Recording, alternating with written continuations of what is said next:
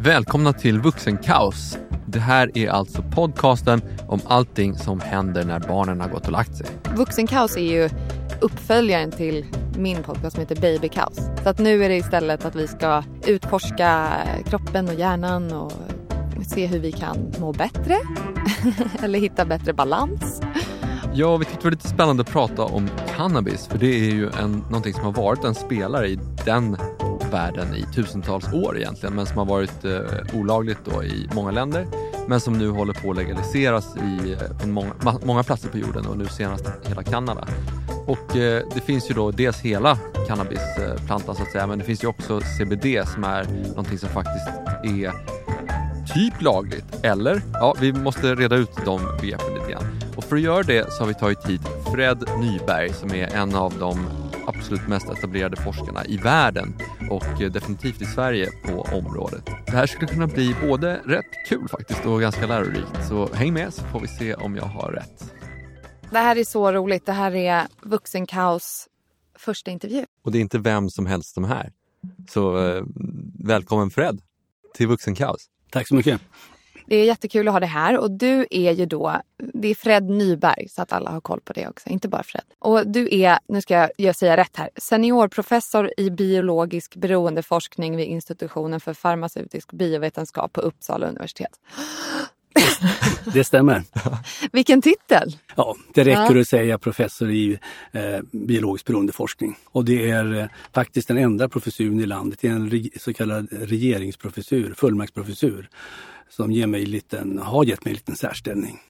Du är här för att vi är nyfikna på, för det första har det blivit en väldig våg i Sverige och Europa och i världen just nu att prata om eh, cannabis och CBD-olja och det legaliseras och det tas bort och det får säljas och det får inte säljas. Och vissa tycker att det är fantastiska effekter och vissa har en annan upplevelse helt enkelt.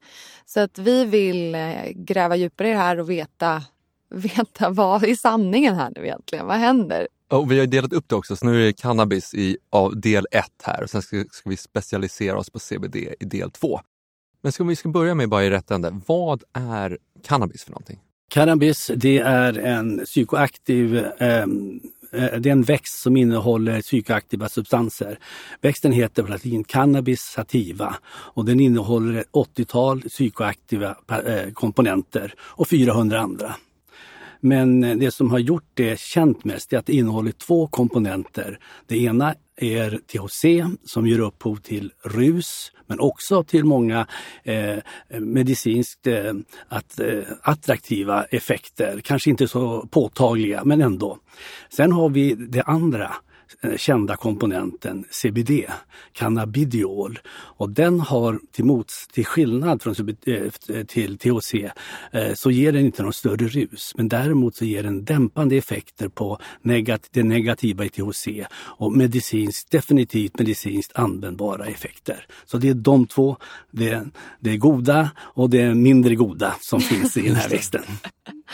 Spännande. Och, mm, alltså, lite kort historia. Alltså, hur länge har cannabis används och i vilka olika delar? Eller ska säga? Ja, cannabis har ju använts i, eh, i årtusenden, långt tillbaka till antiken. Många, eh, det handlar om tusentals år alltså. Och det används inom medicin, men det används också för rekreation och eh, avkoppling. Mm. Eh, det var först när vi kommer in på det här århundradet, redan, förra, eh, redan på 1800-talet så börjar man se att eh, det cannabis gav med ena handen, det kunde den ta tillbaks med den andra. Det var både och i det här. Och det ledde fram till på 20-talet, då började det komma in restriktioner. Och man kom till, är det här någonting som vi ska få in i det lagförande systemet? Och så har det varit lite fram och tillbaka. Och nu är vi där i Sverige samtidigt som vi ser att vi Sverige behåller den restriktiva eh, politiken när det gäller eh, cannabisprodukter så ser vi plötsligt att i andra delar av världen, framförallt i USA, så har det blivit lite annorlunda de senaste eh, tio åren. Och eh, det här annorlunda i USA, nämligen att man börjar eh, förskriva det här eh, eller ge det tillåtelse att användas för medicinskt bruk som eh, sker i hälften nästan av alla amerikanska stater numera. Eh, och i Europa har vi sett liknande tendenser. Eh, men sen just det här att helt legalisera det, det har man också börjat med i USA. Det finns ett visst antal stater där man har gjort det. Mm. Ja, det är Kalifornien nu senast var va? Det stämmer.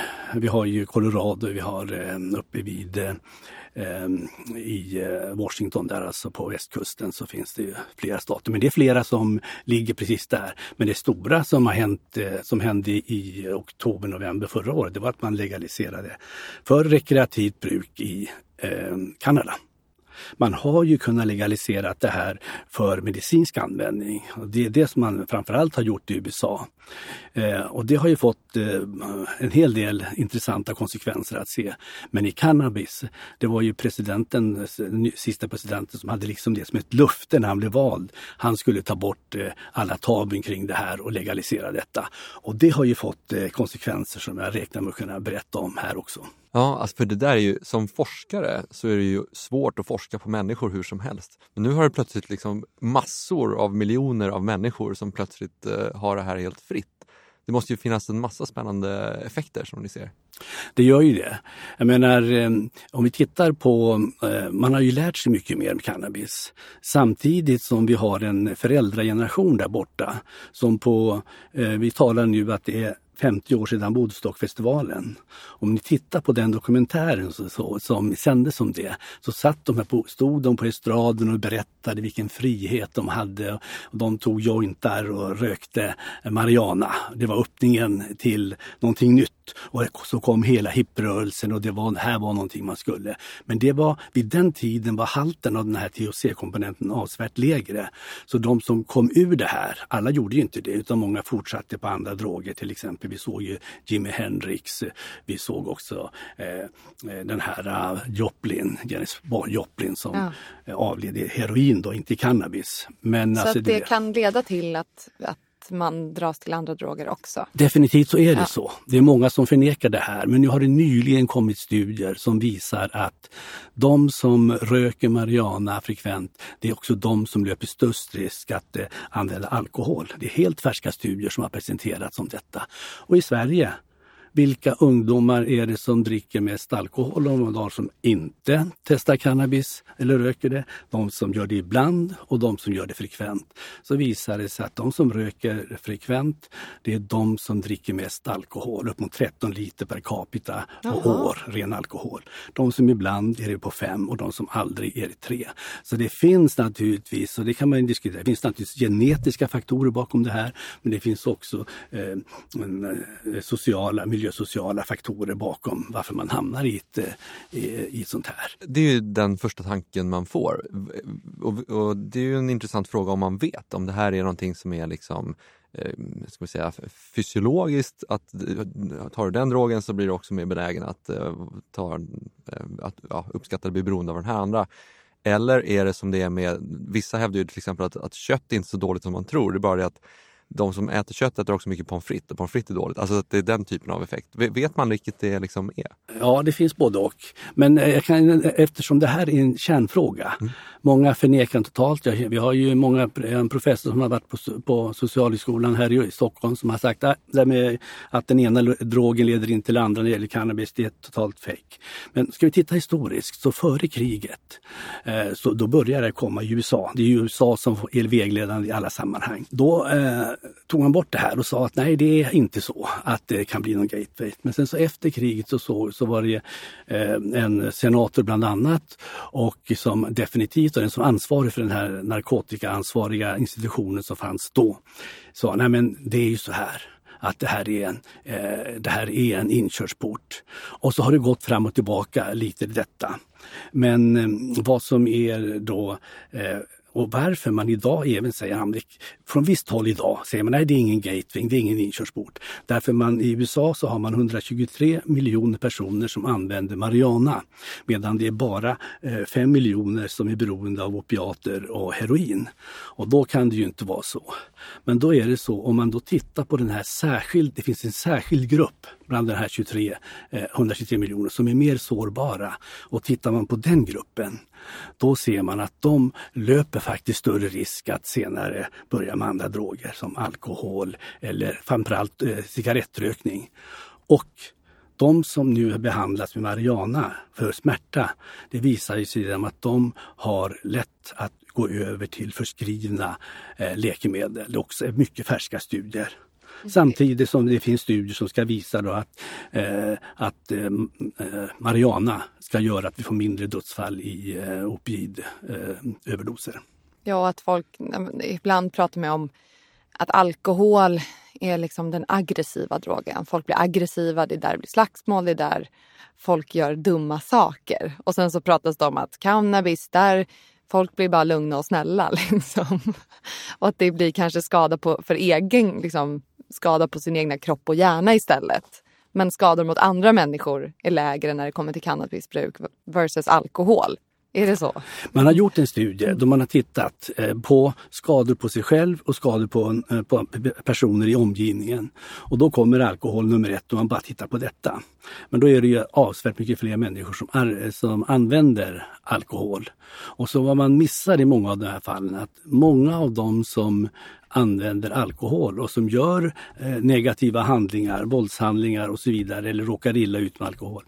Skulle man göra djupare analyser i att det fanns också andra droger i, eh, hos dem. Så att man kan, den där slutstudien som gjordes och publicerades i tidskriften Lancet för en del år sedan eh, var väl intressant men den, det var inte hela sanningen för mycket som man missade där i den studien. Men helt, helt klart, Eh, det dör fler människor eh, och skadas fler människor av alkohol idag än till exempel eh, cannabis och andra droger. Man pratar ju om det att hade alkohol kommit idag hade det aldrig blivit lagligt. Det är mycket möjligt att det skulle vara så. Men det finns eh, en aspekt i alkoholen och det om man bara kan fokusera på vindrickande till exempel och göra det i samband med en eh, måltid. Så eh, för den som kan hantera det, och det gör ju folk nere i Medelhavsområdet har gjort i, i årtusenden, så blir det liksom en annan sak.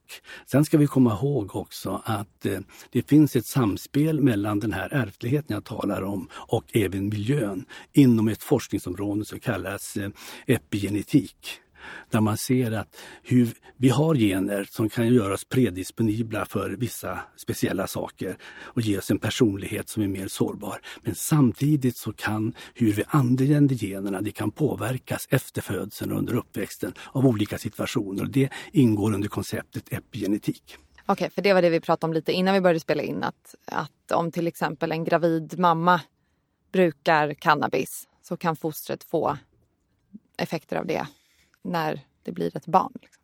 När det växer upp? Ja, ja. Det, det, finns inga eh, eh, få direkta studier på människa om detta men det kommer från djurexperimentella studier. Så det finns forskare som varnar just för det här nu när flera gravida kvinnor börjar använda det här och det finns en del enstaka studierapporter. Men jag vill säga det när jag säger detta. Eh, vi hör ofta att en politiker talar om om en forskningen säger och sen en annan säger om en forskningen säger det. Och det, eh, man, eh, eh, det är forskning. En enstaka forskningsrapport, det är en sak, men kunskap, det är något helt annat. Ett stort antal enstaka forskningsrapporter eh, eh är byggstenar som kan närma sig det vi kallar kunskap. Då krävs det vad vi kallar en metaanalys för att se vad säger inte bara en studie utan vad säger massor med studier. Mm. Och när det gäller cannabis så har man, var det en forskare, som, så är flera forskare som har gjort det. Man gjorde till exempel en studie på cannabisforskning över 20 års period och gjorde en sammanställning. Och då kunde man titta på eh, både risker och mm, fördelar. Men då fann man att det var två risker som cannabis medförde. Det var en försämrad eh, koordination, det vill säga motorik, eh, farligt för, i trafiken. Nummer ett. Nummer två, risk att utveckla någon psykiatrisk komplikation som psykos, det var nummer två. Och nummer tre, det var risken att få en försämrad koordination, lite effekter på minnesfunktionen. Och nummer fyra, det var risken för att utveckla ett beroende. Men i samtliga de här fallen så handlar det oftast om om man börjar tidigt i tonåren. Mm, när hjärnan inte är färdigutvecklad. Right allt är väl egentligen farligt i, om man äter för mycket morötter eller dricker för mycket alkohol. Ja, eller inte riktigt som cannabis kanske. Ja, men, ja, men det, jag är på väg mot en poäng här. Okay. Mm. Och eh, om man då, låt säga att man använder cannabis i, i liksom måttlig mängd på ett rekreationellt sätt, säger jag rätt nu ord? Ja. eh, rek, rek, vad heter det på svenska? Recreational? Ja, recreational, ja, ja. rekreativt sätt. Då. Rekreativt sätt. Så finns det då ett antal nackdelar som vi kan prata om om en stund och så finns det kanske då ett antal fördelar. Om man nu pratar om cannabis, hela cannabisplantan, inte bara CBD utan som helhet, som, för CBD pratar vi om i nästa avsnitt, men vad finns det för, finns det, finns det några fördelar för, för människan? Jag kan säga att det finns fördelar och vi kommer lite in på en, en eh, nyckelfråga i det här sammanhanget. För hur vi än eh, beter oss så måste vi säga att det finns individer som svarar, som blir hjälpta av eh, hela paketet Mariana innehållande både THC och eh, CBD. Och eh, det kan ha att göra med att, eh, eh att det är personer, det är personliga egenskaper som gör att man har en bättre, man svarar bättre både farmakologi och man har en speciell så att säga, dynamik när det gäller att ta hand om drogen, att uppleva effekter den, som skiljer sig från individ till individ. För när man testar det här med smärta så är det ju, ja men några blir hjälpta, neuropatisk smärta till exempel, men dock inte en sån där stor genomslagskraft. Men sen när det gäller smärta ska man veta, och där är kanske den stora hemligheten, vi har ett kroppseget cannabissystem. På samma sätt som vi har ett kroppseget morfinliksystem i våra egna endorfiner som svarar på vallmoväxtens produkter, så har vi ett kroppseget cannabinoidsystem som svarar på cannabisväxtens produkter. Och eh, för, ponera att vi har en underfunktion i vårt eget cannabinoida system. Eh, då kommer vi att svara eh, på detta. Då kommer det att ge en viss ersättning av vårt eget system på grund av någon defekt inte klarar av. Vi såg samma sak när det gäller endorfiner. Vi såg att det var patienter som hade eh, neuro, eh, alltså neurogen smärta Eh, och vi såg samtidigt att de hade låga endorfiner som kunde förklara det här. Behandlades de med TNS eller med någon annan endorfinstimulerare så blev de hjälpta. Och vi kan tänka oss likadant här, att eh, den som har en underfunktion i sitt eget endokannabinoida system, och jag skulle inte, eh, det här har vi ingen fast vetenskap på, det finns några, men jag skulle inte eh, bli överraskad om till exempel eh, fibromyalgisyndromet kan ha det i sin etiologi, i sin eh, orsaksbild. Att man kan svara bra därför att det finns en, man kan förbättra det kroppsegna cannabina systemet som är ett bra system som hjälper oss att hantera stämningsläget, må bra psykiskt och så vidare.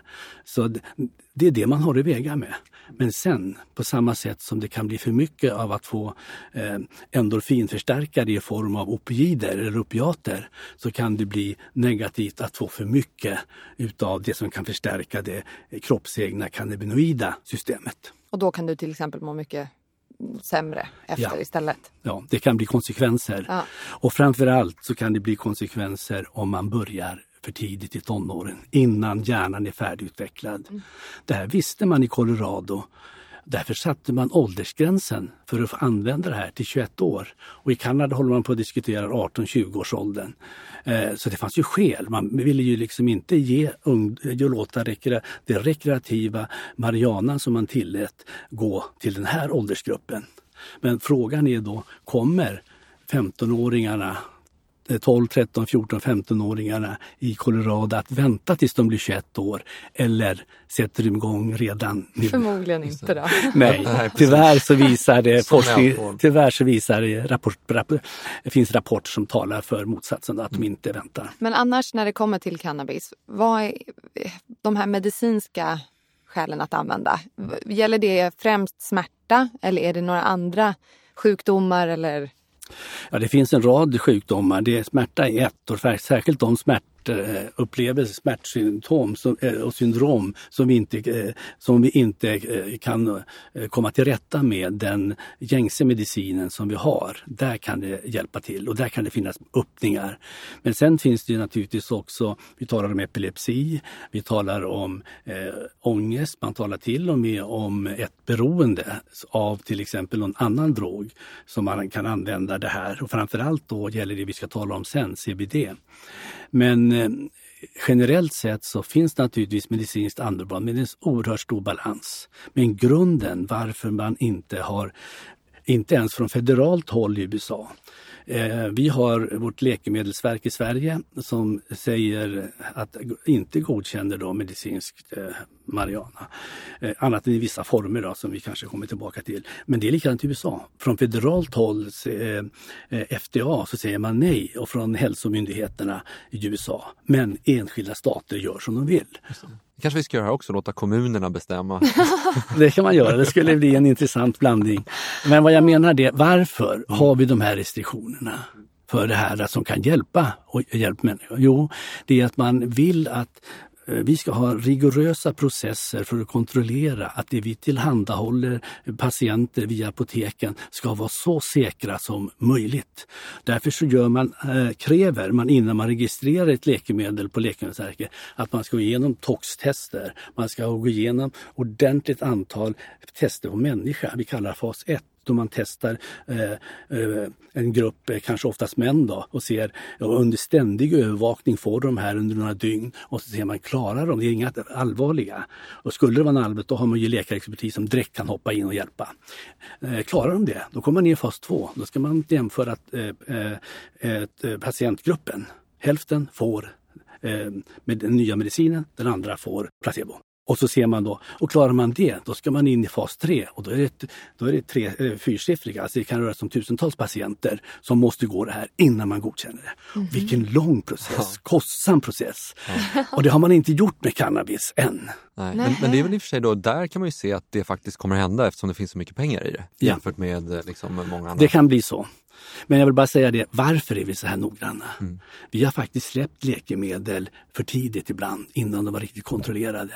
Och det handlar då om Neurosedyn som släpptes ut, som togs av kvinnor som var gravida och så fick vi de här teratogena skadorna, fosterskador, Oj. som gjorde att vi idag fortfarande har cirka 10 000 människor som inte har sina extremiteter, armar och ben fullt utväxta. Mm. Så därför är man noga i Sverige.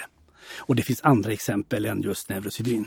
Just det. Och det, men en sak jag tänkt på när du pratar om hur vi har ett eget system och hur eh, kroppen på något sätt kanske då, ja, nu ska jag inte ge mig in i detaljerna, men, men om man tillför det här utifrån, är det som med många andra saker, att om man tillför till exempel testosteron så kanske kroppen blir sämre på att producera eget testosteron? Är det, är det så man bygger upp ett beroende ungefär, eller är det något annat? Ja, det, det ligger både och det.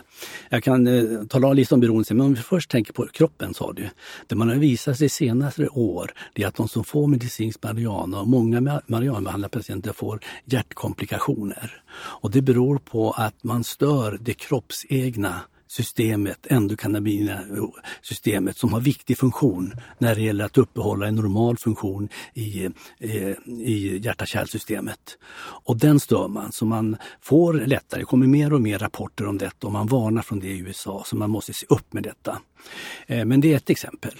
Ett annat, du talar om beroende, då är det så att, jag menar det här att få eh, kickar som man får, vad de flesta droger, inklusive THC-komponenten i marijuana kan göra, det är att det stimulerar dopamin i belöningssystemet som gör att man får den euforiska kicken, välbehaget.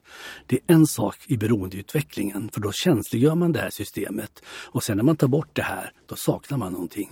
Och samtidigt som själva drogen gör någonting, så bara den här miljön gör någonting. Sitter man i en miljö där man har kompisar, vi kan snacka, vi kan göra det här olagliga men vi upplever det härligt. Bara den miljön förstärker det här. Vi talar om att bensodiazepiner förstärker opideffekten, men den här miljön förstärker det här. Och det kan man se. En som har levt i ett missbruk, kommit därifrån och är borta kanske i åratal kommer in i en miljö där han ser den här miljön där den satt och tog jointar tidigare. Eller till exempel injicerade någon eh, amfetamin eller vad det nu var. Han kan eh, känna ett oerhört sug när han kommer in bara i miljön. Ja, det är därför man ska gå till samma gym hela tiden för att få in samma effekt där. Även det där är ju ett känt... Eh, ja. eh, jag har jobbat med reklam i tio år och då vet man ju, det där känner man ju till väldigt väl där. Mm. Nej men det där är, är samma sak i många övriga sammanhang. Men vad man gör när man får den här överstimuleringen av dopamin, dopaminbränsystemet, då kroppen reagerar på det. Hjärnan reagerar så att den drar tillbaka eh, det här systemet så vi får en minskad kapacitet. För det har man testat i de som har rökt marijuana så har man gett dem en dopaminstimulerare och den blir inte lika hög som den blir hos normalindivider som inte har gått eh, på marijuana. Just det. Och nu talar jag inte om marijuana en gång, två gånger eller kanske två, tre gånger i månaden. Jag talar om dem som dagligen. Det är de man är ute efter. Men du sa också att förut eh, under hela Woodstock-rörelsen där och hippiekulturen att då var THC-nivån lägre. Ja. Var, varför har det blivit högre nu? Är det en del av hela liksom att det, det säl, då kan man sälja mindre för mer eller vad är... Nej, inte så, utan då får man en bättre kvalitet på sin produkt. Ja. För jag menar, ju, mer, ju starkare euforin du får av en drog, ju mer attraktiv blir den. Eh, så att det här finns och det har visat sig att eh, även de, såväl de positiva effekterna och risken att ut, som risken att utveckla beroende eller få drabbas av en psykos ökar när du får högre THC-halt.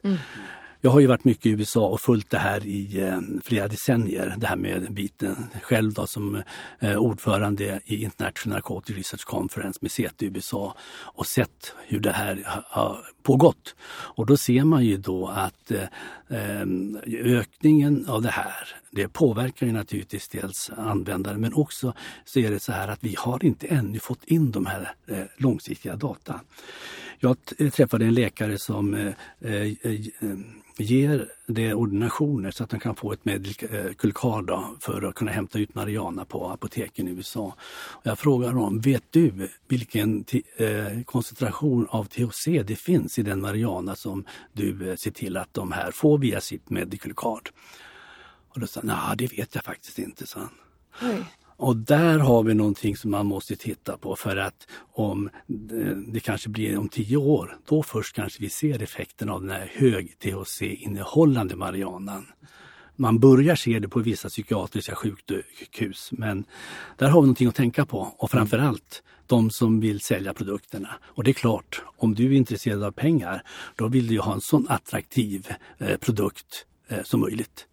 Eh, och det, det riskerar ju med att man ger de här höginnehållande. Det finns de som går upp, eh, om det alltså var 3 till 5 procent på 70-talet och Woodstockfestivalen så är det nu uppe i 20 procent på vissa håll och Oj. kanske ännu fler. Och sen blir det väl också annorlunda då, nu, det kanske man gjorde då också i och för sig, men när man, om man, om man eh, äter det här så, så utvecklas ju ett annat ämne vad jag förstår, om det går igenom liksom levern eller vad det, hur det funkar. Du vet ju mycket bättre om det. Ja. Är det stämmer det? Eller? Ja, alltså det, det här är ju så att eh, när THC bryts ner eh, så bildas det 11-hydroxy eh, Eh, cannabinol. Och det är en sak som fortfarande är aktiv så att säga, men kanske på ett annat sätt. Men sen ska du veta, om du röker det och andas in det eller inhalerar det, då får det snabbare väg in till centrala nervsystemet och hjärnan. Men om du inmundigar det här, då blir det en annan, vad vi kallar farmakokinetik och du får minskat rus till och med. Det här Bediol som nu förskrivs för en viss typ av ryggsmärta, vilket jag tycker är bra. Därför att de patienter de, som har den här komplikationer kan bli hjälpta, men de får ingen rus. Då ska den gå iväg, hela mag-tarmkanalen väg, tas upp och sedan så eh, når det inte upp det koncentrationen. En helt annan omvandling av substansen om du tar via mag, eh, or- peroralt och via munnen och ska passera mag-tarmkanal än om det kan på ett snabbare sätt via inhalering gå in i hjärnan och centrala nervsystemet. Är det lika farligt? Om, man, om det är liksom, istället för att röka det så gör en kaka. kan inte Eh, det här retandet bör ju vara mindre farligt. Ja. Men alltså allt har beror på mängd och det beror på vilken person, eh, vilken person man är. Det har att göra med detta. Men eh, eh, det är vad forskarna har att titta på lite närmare eh, nu för tiden. Men det är helt klart som du säger att eh, administrationen är viktig i det här. Det är samma sak som de som röker heroin. Efter ett tag så får de inte så stor effekt av det här. Man utvecklar tolerans och det slutar med att man börjar injicera. För då går det snabbare och man får större effekt. Jag skulle säga att 95% av all min kunskap om cannabis kommer från Joe Rogans podcast. Eh, det är en väldigt ensidig eh, kunskap kan man väl säga. Men där pratar han just om om man äter, det är alltså en av världens, känner, känner du till Joe Rogans podcast? Jag känner till lite, ja. men jag, jag, jag, försöker i första hand titta på de vetenskapligt etablerade ja. källorna. Ja, jag förstår. Han pratar just där om hur, hur skillnaden är när man röker eller när man äter. Att det, blir, det, utvecklas, det är nästan som en hallucinogen effekt snarare när man äter det. För mm. att det utvecklas den andra Eleva någonting då. Ja, eh, metaboliten, ja, eller produkt, biprodukten som fortfarande är aktiv. Och ändå är det inte den man mäter när man tar urinprov. Det är ytterligare en produkt som heter eh, THC-syran som man mäter då när man eh, kommer till urinet och så vidare som man testar i prover. Men ändå så kan man ju säga så här, det där tror jag beror väldigt mycket på vilken individ man är. Ja. Alltså för att Oftast är det så att det, det kanske inte är så att själva eh, THC är den djupa boven i dramat. Men det är kanske du har en personlighet, du kanske har en, en, en ärftlig sårbarhet som gör att när den här komponenten som kommer in når in i, ditt, eh, i din hjärna, då reagerar du mer eller mindre kraftigt. Man tittar så här, om du, eh, och de flesta blir ju inte beroende, av de som missbrukar cannabis så blir cirka 9% beroende. Och är man i, nere i tonåren då är risken eh, att eh, 17 procent blir beroende. För det är mycket, man är mycket mer sårbar då.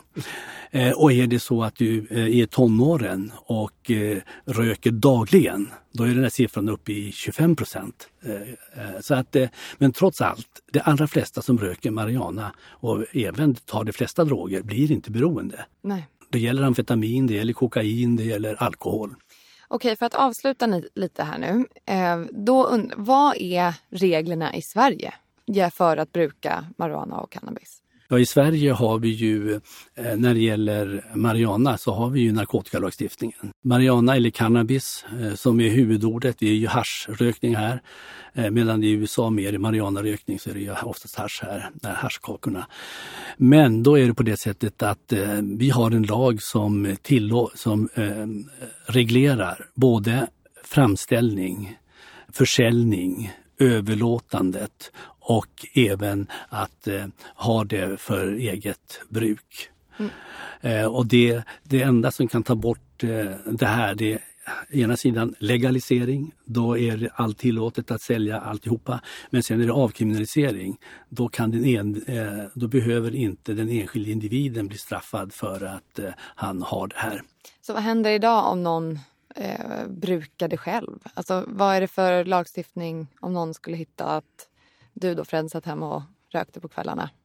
Vad ja, då? Det, då skulle de titta på mängden jag har mm. och så skulle de också naturligtvis ta reda på, är det så att han överlåter det här? Och då skulle man komma in i straffskala. Men är, vänd på det här stället, är det så att eh, de här poliserna på Söder här borta i Björns trädgård kommer på en kille i tonåren som har det här, så blir det ju inte så att de burar in honom som de säger, utan de tar honom till, kontaktar föräldrar, tar Maria Ungdom i förhoppningen om att eh, redan i tidigaste skede stoppa en drogkarriär. Det är den uten. Så okay. man åker ju inte in för det. Möjligen och lite högre upp, jag skulle fått gjort det, det du berättar då, det är att man får betala böter i första hand. Sen om jag, sen beror det mängden. Skulle jag ha jättestora mängder, tjäna pengar och sälja till ungdomar, ja, då handlar det ju om eh, fängelsestraff. Min känsla är att internet gör ju att världen liksom inspireras av varandra på ett helt annat sätt än förut. Tror du att det ligger liksom i korten att Sverige skulle följa USA i det här? Om man hörde på vår statsminister sist så var han väldigt tydlig och det är ju även vår justitieminister Morgan Johansson. Det är juristerna och politikerna som hanterar det här. Jag ska, eh, för någon skulle fråga mig, vad tycker du man ska göra? Ska jag säga så här, jag kan bara leverera det vetenskapen säger om riskerna och fördelarna hit eller dit. Men sen av det jag levererar så får eh, juristerna och politikerna dra slutsatser. Ibland är jag bekymrad över att eh, juristerna eh, sätter sig över och bestämmer till exempel farlighetsgraden. Det gjorde de i ett HD-fall som jag var inblandad i som sakkunnig en gång. Jag såg där, det blir dagsformen av, hos juristerna som avgör farlighetsgraden och det tycker jag är fel. Jag tycker man skulle ha en, en vetenskapligt förankrad expertgrupp som avgör farlighetsgraden. Sen får juristerna gå vidare sen mm. med, med sina lagförslag eller domar eller vad de gör. Mm, ibland, ibland kommer politiken före vetenskapen i alla möjliga Eh, inte minst i det här fallet Nej. och det har jag stor erfarenhet av som jag har jobbat mycket eh, och försökt vara rådgivare till regeringen. Jag har ju varit det eh, i den mån jag kunde förmå dem att göra det bästa. Ja men gud, det var jätteintressant att ha dig här och prata om cannabis. Det här borde vi göra ett fyra timmars avsnitt av. Ja. på engelska för hela världen. Eh, Verkligen. Fantastiskt eh, spännande att få lite riktig kunskap. Jag tror det är bra. Och hörni, om ni har frågor, fler frågor till Fred så kan ni höra av er till oss på Instagram. Där heter jag Julia Ancho och sen är det Walter Näslund. Och så får vi skicka vidare till dig. Annars så hittar man väl dig om man bara söker på Fred Nyberg. Och eh, ja men stay tuned för nästa episod om CBD. Hörs då! Tack så mycket. Tack! Hej då!